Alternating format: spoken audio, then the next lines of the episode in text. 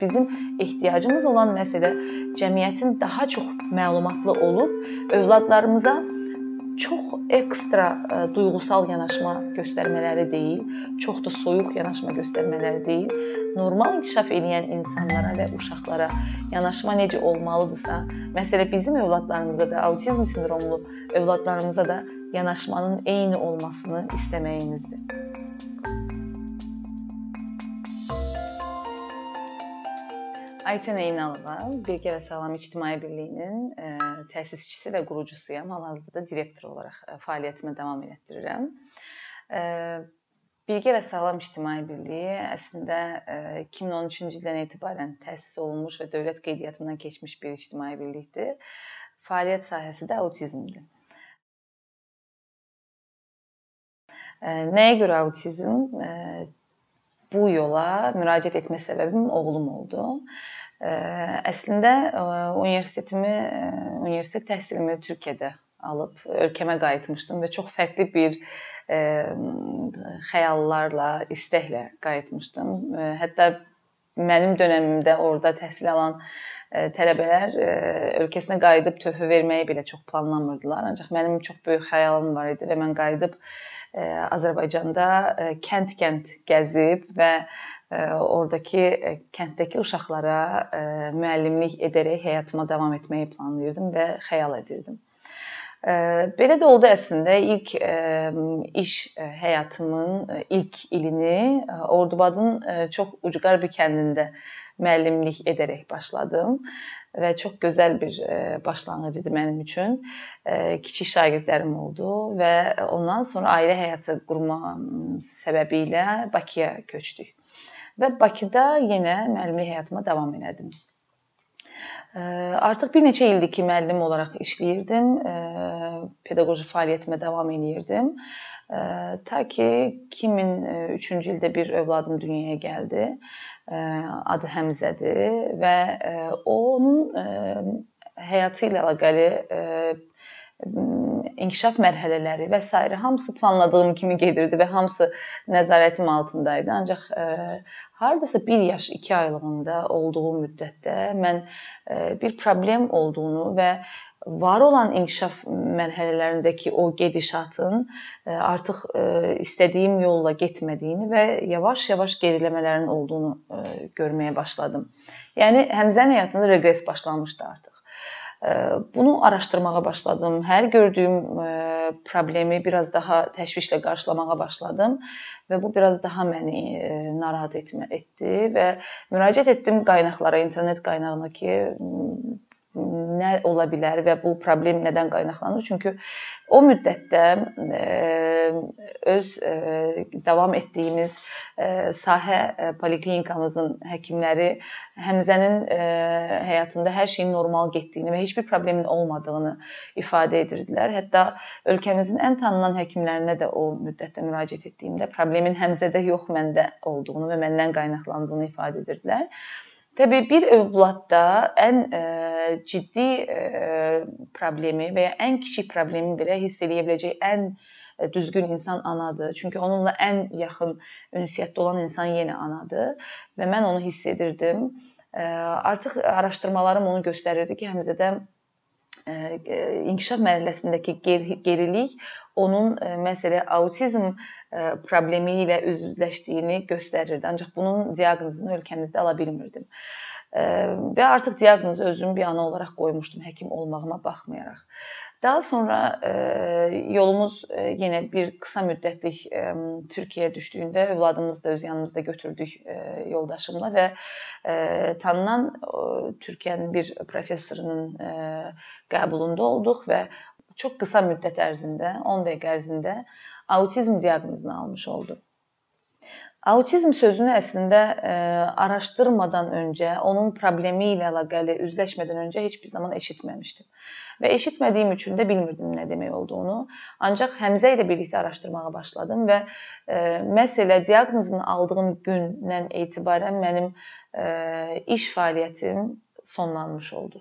Çünki ə, ailədə əgər xüsusi qayğıya ehtiyacı olan bir uşağa sahibsinizsə, ailə fərdlərinin, başçılarının biri bu fədakarlığı etmək məcburiyyətindədir və övladı ilə e, məşğul olub ona həyatını bəlkə də həsr etmək məcburiyyətindədir. O da daha çox cəmiyyətimizdə və ümumiyyətlə dünyada araşdırmalar bunu göstərir ki, bunun e, daha çox yükü ana üzərinə düşür. E, bizdə də məhz elə oldu və mən öz övladımın bütün təhsil hissəsini öz üzərimə almış oldum bir çox müddət harda hardasa bir neçə ay mən araşdırmalar etdim və ölkəmizdə Həmzənin müraciət edəcəyi qurumlar axtarışında oldum Çünki e, internetdə oxuduğum e, araşdırmalar bunu göstərirdi ki, e, autizmli bir e, insan və ya uşağın diaqnozu qoyulduğu müddətdən etibarən çox sıx reabilitasiyaya başlanmalıdır və e, yeganə müdaxilə e, sistemi məsələ reabilitasiya təhsili olduğundan e, həftədə minimum 20 saat və maksimum 40 saat müdaxilə etdiyinizdə və individual məşğul olduğunuzda ancaq onların həyata tutunmaları daha rahat ola bilər cümlələrini oxuduğumda bunun ölkəmizdə olmadığını gördüm və ə, həmin zaman elə ailecə qərar verib təkrar ə, universitet təhsilimizi aldığımız Türkiyəyə geri qayıtdıq və köçdük. Bir neçə il artıq Türkiyədə yaşamaq məcburiyyətində qaldıq. Və yaşadığımız müddətdə də bir gün ölkəmizə qayıdacağıq və bizim başda öz övladımız olmaq üzrə e, e, Həmzə kimi bir çox insanın və uşağın da faydalanacağı e, nələr edə bilərik düşüncəsi ilə kiçik-kiçik layihələr həyata keçirməyə başladıq və 2012-ci ildə Azərbaycana qayıtdıq. 2012-ci ildə yavaş-yavaş fəaliyyətlərimə başladım və 2013-cü ildən etibarən Birgə və Sağlam İctimai Birliyini sırf autizm spektr pozuntulu uşaqlar və şəxslər üçün qurmuş olduq. Və nədir Birgə və Sağlam İctimai Birliyi? Əslində əsas məqsədimiz bizim autizm spektr pozuntulu uşaqlara, insanlara dəstək olmaq və onların eyni zamanda ailələrinin yanında olmaq və bunun yanı sıra ölkəmizdə dövlət səviyyəsində özümüz nə qədər bacarırıqsa, autizmi anladacaq və autizmin maarifləndirilməsini apara, apara biləcək layihələr həyata keçirməkdir. Əslində ölkədə çox iş işlər görmüşük. Çünki insanlara anlatdığımız zaman və indiyənə kimi 2013-cü ildən etibarən Birgə və Sağlam İctimai Birliyi autizm sahəsində nələr görüb dediyimizdə özümüz anlatdığımız zaman belə bəzən yoruluruq və deyirik ki, həqiqətən bir çox işlər aparılıb. Çünki e, baxdığımızda e, beynəlxalq konfranslardan tutun, e, universitetlərimizdəki e, autizm maarifləndirmə seminarlarından, konfranslarından, konqreslərindən tutun, panellərindən tutun, moda dəfilələrinə qədər dünyada çox tanınan mavi işıqlı işıqlandır layihələr layihəsinin həyata keçirilməsinə qədər yürüyüşlərdən tutun, eyni zamanda cəmiyyətin bir çox ən sıx olduğu yerlərdə autizm haqqında maarifləndirmə işlərinin aparılmasına qədər bir çox işlər görmüşük və bu işlərin hər birini sırf övladlarımız üçün görmüşük ki, cəmiyyət bizi görsün və bizim övladlarımız haqqında maariflənsin və cəmiyyətdə övladlarımıza qarşı yanaşma necə olmalıdır? Bu mövzuda daha da məlumat əldə etmiş olsunlar. Hətta mən çox kiçik bir nüans haqqında da danışmaq istəyirəm ki, 2012-ci ildə gəldiyim zaman ilk Azərbaycana qayıtdığım zaman nəqliyyat vasitəsində oğlum Həmzənin ağlama krizisi tutmuşdu və bu krizisin nəticəsində həmin nəqliyyat vasitəsindən məni endirməyə çalışan bir cəmiyyətlə üzləşmişdim. Çünki oğlum çox ciddi səviyyədə və çox yüksək səslə bağırırdı və bundan təbii ki, insanlar narahat olmuşdu. Ancaq heç bir insan, e, heç bir cəmiyyətin üzvü mənə dönüb nəyə ehtiyacımın olduğunu sormadan sadəcə çox narahat olduqlarını ifadə etmişdilər və mən e, inad edib enmək istəyən özü ensin, amma mən bu yolu davam edəcəm və övladımla harda enmək lazımdırsa orada enəcəm deyib çox çətinliklə də olsa buna dayanıb enəcəyim yerdə enmişdim və o gün anlamışdım ki, əslində mənim görəcəyim çox iş var. Çünki məni anlamaq sadəcə deyil, mənim kimi anaları və mənim övladım kimi övladı övladları anlamaq çox vacibdir hal-hazırda. Və illər sonra etdiyimiz işlərin nəticəsində də bir yenə nəqliyyat vasitəsində oturduğumda övladımla birlikdə artıq çox yaxşı daha vəziyyətdə idim aparılan işlərin nəticəsində taksi sürücüsü e, Həmzənin bir neçə davranış problemlərinin nəticəsində dönüb mənə baxdı və nə problem olduğunu övladımda soruşdu və mən dedim ki, autizm e, autizmli bir uşaqdır. O da e, mənə və mən hətta ikinci sualımı onu ünvanladım ki, autizm nədir bilirsinizmi dediyimdə o da bilirəm qızım dedi. E, deyəsən aprel ayı onların ayıdır və aprel ayında Bax dedi, əli ilə də göstərdi. Bu alov güllələr mavi rənglə işıqlanır və diqqətimizi belə cəlb etməyə çalışırlar və mən orada özümü çox zor tutdum ağlamamaq üçün. Çünki o işi görən biz idik və illərdir nə əziyyətlərlə gördüyümüzü bizi bilən və ətrafımızda olan insanlar bilirdilər, görürdülər və çox sevindim. Çünki cəmiyyətin ən önəmli fərdlərindən biri olan taksi sürücüsü bu haqqda məlumatlı idisə, bu deməkdir ki, gələcəkdə övladlarımızın həyatı biraz daha rahat olacaq ümidini bizə vermiş olurdu. Bizim övladlarımızın problem problemi daha çox cəmiyyət içərisində olur. Çünki biz ailələr autizmli övladlara sahib olduğumuz üçün, olduğumuz üçün şikayətçi deyilik. Biz öz problemimizlə üzləşib, onu çətinliklərlə də olsa qəbul edib həyatımıza davam etməyə çalışarkən qarşılaşdığımız cəmiyyətin fərqli üzvləri verdikləri fərqli reaksiyanın nəticəsində bizim həyatımız çətinləşir. Övladımıza sahib olduğumuz üçün deyil. Çünki onsuz da asan bir həyat deyil. Artıq ə, xüsusi qayğıya ehtiyacı olan ə, uşaqların diaqnostikası içərisindəki ən çətin diaqnozlardan biri məsələ autizmdir.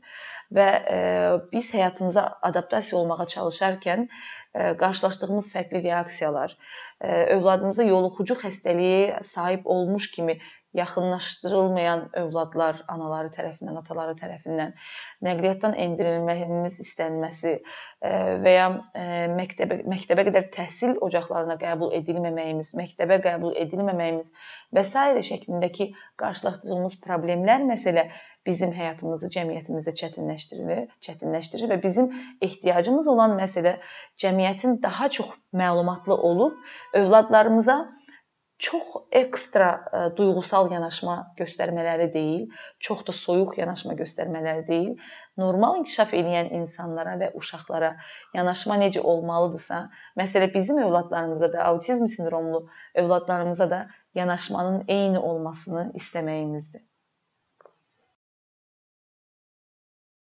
Ə, autizm əslində bir neyroinkişaf pozuntusudur və ə, açıqlamaq e, lazım olduğunda isə bunu ifadə edə bilərik ki, e, yanımızda, ətrafımızdakı qarşılaşdığımız cəmiyyətdə bir insanın autizm spektr pozuntulu diaqnozlu bir insan olduğunu necə anlaya bilərik sualını öz-özümüzə verdiyimizdə e, diqqət edəcəyimiz bir neçə xüsusiyyət var, nüans var ki, bunlar hansılardır?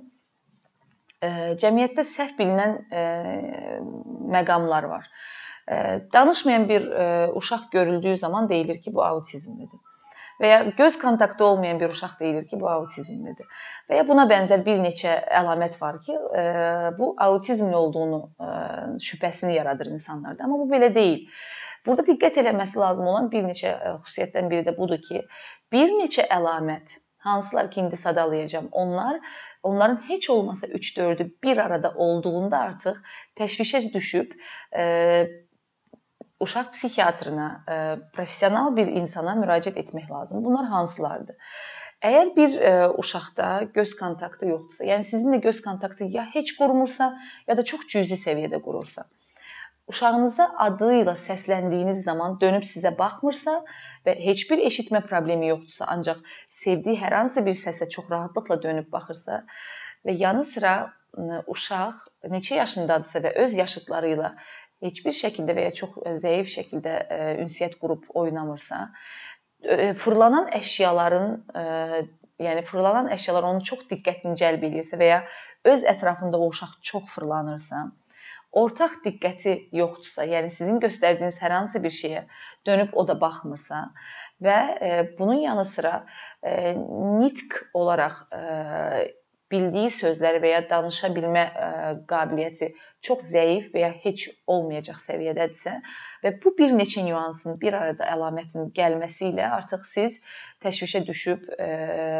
bir mütəxəssisə müraciət etmək məcburiyyətindəsiniz. Çünki hər bir xəstəlikdə hər bir problemdə erkən müdaxilə nə qədər önəmlidirsə, bu xərçəng xəstəliyində də, şəkər xəstəliyində də, hər hansı bir problemlə üzləşdiyinizdə də, məsələn, autizm spektr pozuntusu diaqnozunda da e, erkən müdaxilə çox vacibdir. Çünki nə qədər tez müdaxilə edərsinizsə və o qədər də çox daha ə, e, sıx reabilitasiya təhsili ilə üzləşdirərsinizsə uşaqlarınızı, çox önəmli bir ə, e, faiz olaraq sizə ifadə edeyim ki, o qədər e, daha çox e, uşaq və insan həyata tutuna bilər. Erkən müdaxilə nəticəsində və düzgün müdaxilə nəticəsində 40% autizm spektr pozuntulu şəxslər gələcəkdə universitet oxuya biləcək vəziyyətə gələ bilərlər. Və e, etiologiyası bilinmir, e, yəni hal-hazırda tam olaraq bilinmir və bilinmədiyi üçün də bir e, tibbi müalicəsi də yoxdur və yanaşması yoxdur bizim e, övladlarımıza. Ancaq ən e, ciddi və e, nəticələr əldə edilən yanaşma məsələ təhsil yanaşmasıdır ki, hansı ki, reabilitasiya yanaşmasıdır və e, dünyada ən təsir edici yanaşmalardan biri də tətbiqi davranış analizi dediyimiz və xalq arasında ABA terapiyası olaraq bilinən bir yanaşmadır ki, həftədə minimum 20 saat, maksimum 40 saat olmaqla övladlarımızın sərbəst, bizsiz, yəni ailələri olmadan həyata davam etmələri mümkün ola bilər. Bu yanaşma ilə biz övladlarımızın inkişaf mərhələlərindəki problemləri müəyyən edib, onların hər bir problemi ilə çalışaraq, individual çalışaraq onların hər bir problemini irəlilətməyə çalışırıq ki, autizm özü özlüyündə olduğunda övladlarımızın öyrənə bilməyəcəyi heç bir problem, yəni heç bir şeyi yoxdur. Ancaq yanı sıra övladlarımızda autizmin yanı sıra bir də əqli gerilik ciddi səviyyədə və ya hər hansı bir problem daha ciddi səviyyədə yanaşı davam edirsə, o zaman övladlarımızın biraz daha həyata tutunmaları çətinləşmiş olur. Autizm sindromlu uşaqlar ən gözəl, hər bir normal inkişaf edən uşaq kimi həyatda bir çox şeyi ən gözəl şəkildə öz yaşıdlarından öyrənirlər. Məsələn, ona görə biz inklüziv cəmiyyətin vacibliyindən bu qədər çox danışırıq və müraciətlərimiz bu mövzuda çox sıxdır. Çünki yeni diaqnoz almış 2 yaşındakı, 3 yaşındakı autizm sindromlu bir insan 20 yaşındakı bir anadan və ya 20 yaşında, 30 yaşındakı bir dayıdan və ya qohumdan öyrənəcəyi bir şey çox cüzidirsə, amma öz yaşıdlığının yaşıdı olan 2-3 yaşlı bir uşaqdan təqlid bacarığı ilə özündə var olan təqlid bacarığı ilə öyrənməsi bir o qədər çox-çox daha qat-qatdır. Onun üçün bizim üçün vacib olan məsələ inklüziv təhsil. Bizim övladlarımızın da öz yaşıdları ilə birlikdə e, məktəbə qədər təhsildə başlayıb məktəb zamanında da davam etməsi çox-çox vacibdir. Çünki e, ancaq e, bir insan danışmağı da digər insanlardan görərək daha da irəlilədir. Bir insan cəmiyyətdə özünü necə aparmaq lazımdırsa, onu da ətrafındakı yaşıdlarından e, görərək nümunə alıb e, daha da öz bacarıqlarının üzərinə əlavə eləyərək daha da e, irəlilədir. Eyni şəkildə də bizim autizm sindromlu övladlarımızdır. Həm mütəxəssis olaraq, həm də ana olaraq mənə hər zaman verilən bir sual var. Bu uşaqlara qarşı necə yanaşmaq lazımdır? sığallasam olarmı və ya danışma danışmalıyammı, danışmamalıyam və s. Əslində mən bir həm bir pedaqoq kimi, həm artıq bu işin mütəxəssisi kimi bunu ifadə etmək istəyirəm hər kəsə. Burdan da sözümü ifadə etmək istədiyim məsələ bundan ibarətdir ki, hər bir normal inkişaf eləyən uşağa yanaşma necə olmalıdırsa, autizm sindromlu uşağa da yanaşma o cür olmalıdır. Sadəcə bizim bəzən çox çətin məqamlarımız olur ki, o məqamlar ərzində bizə yaxınlaşıb bir dəstəyə ehtiyacımız varmı?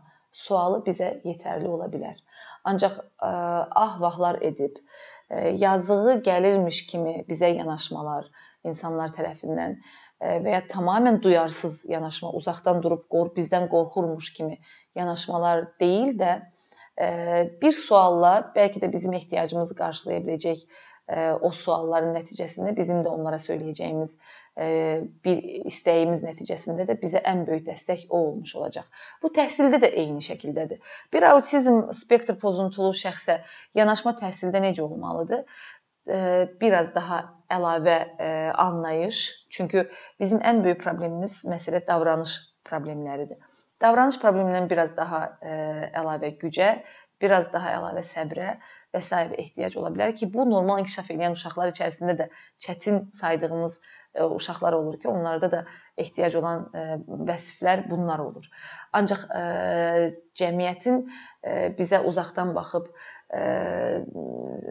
fərqli reaksiyalar verməsi və ya çox yaxınlaşıb daha əlavə ekstra qayğı göstərməsinə ehtiyac olmur. Nəyə görə? Çünki bu bəlkə də övladlarımızı biraz daha qıcıqlandırmalarına səbəbiyyət verə bilər. Autizm spektr pozuntusu diaqnozu almış bir övlada sahib ailələr əslində söyləmək istədiyim bir cümlə var.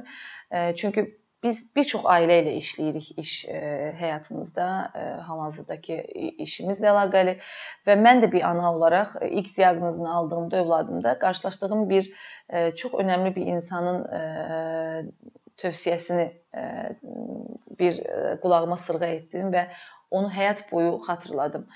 Bu nədən ibarətdir? Bizim ailələrimiz övladındakı problemi aşkarladıqlarında ailədə var olan digər normal inkişaf edən övladlarını tamamilə həyatda unutmuş olurlar və tamamilə diqqəti yetirirlər xüsusi qayğıya ehtiyacı olan övladlarına. Ancaq burada isə diqqət yetirilməsi lazım olan şəxs xüsusi qayğıya ehtiyacı olan uşaqdan daha çox normal inkişaf edən uşaqdır. Çünki xüsusi qayğıya ehtiyacı olan uşağın ə, gedişatı, onunla necə yol izləmək lazımdır və s. bu mövzuda sizə onsuz da mütəxəssislər dəstək olurlar və siz onlarla iş ə, prosesini o şəkildə davam etdirirsiniz. Ancaq yanı sıra qalan və unudulan şəxs ikinci dərəcəli səviyyəyə gəlmiş olan və özünü o vəziyyətə salan və o vəziyyətdə hiss edən insan məsələ həmin o uşağın digər normal inkişaf edən bacı qardaşıdır. Mənim burdan tövsiyəm digər valideynlərə ondan ibarətdir ki, çox xahiş eləyirəm, digər normal inkişaf edən övladlarına bəlkə xüsusi qayğı ehtiyacı olan övladlarından çox daha diqqət yetirmələri və onların əslində xüsusi qayğıya ehtiyacı olan övladlarından daha çox dəstəyə ehtiyacı olduqlarını unutmamaları və onların da əslində diqqətə diqqətə ehtiyaclarının olduğunu sıx-sıx onlara da göstərərək və onlara bunu ifadə edərək hiss etdirmələri yönündə olacaq. Çünki yaşanan cəmiyyətimizdə və ətrafdakı ölkələrdə də bu sahədə və bu hissədə məsələ ciddi səviyyədə problemlər var ki, nəticəsi də heç də gözəl olmayan nümunələr də var. Bu mövzuda tövsiyəm bu yöndə olacaq.